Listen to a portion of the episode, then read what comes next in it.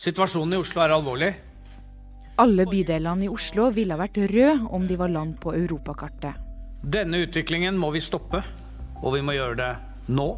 Du hører på Koronakort forklart. Det er mandag ettermiddag 21.9.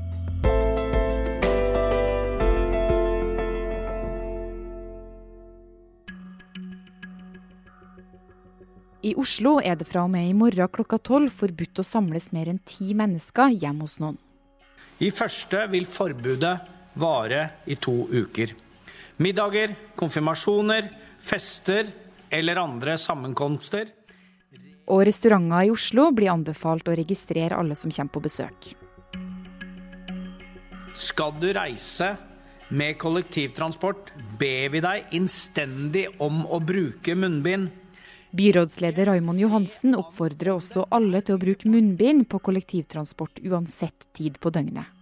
Ingen av bussene i hovedstaden kjører nå pga. bussjåførstreik, så det har gjort det enda trangere på T-bane og trikk enn vanlig.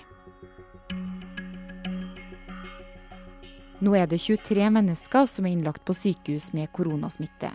Det er sju flere enn fredag, og det er det høyeste antallet innlagte siden starten av juni. Ingen av dem får respiratorbehandling, ifølge Helsedirektoratet.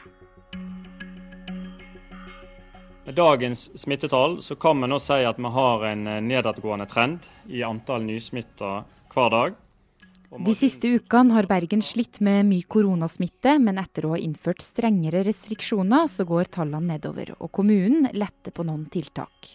Fra onsdag blir det mulig å samle 200 personer på offentlige arrangementer igjen, i stedet for 50. Noen tiltak fortsetter likevel. Restauranter skal fortsette å føre liste over besøkende, og kommunen oppfordrer folk til å ha hjemmekontor og at kollektivreisende bruker munnbind. Regjeringa foreslår å lage en egen ordning på inntil 1 milliard kroner for reiselivsbedrifter som taper mye penger. I tillegg får reiselivet 250 millioner kroner mer til omstilling.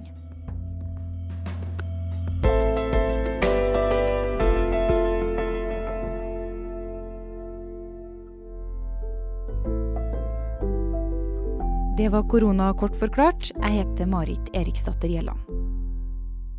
Du har hørt lyd fra Bergens Tidende.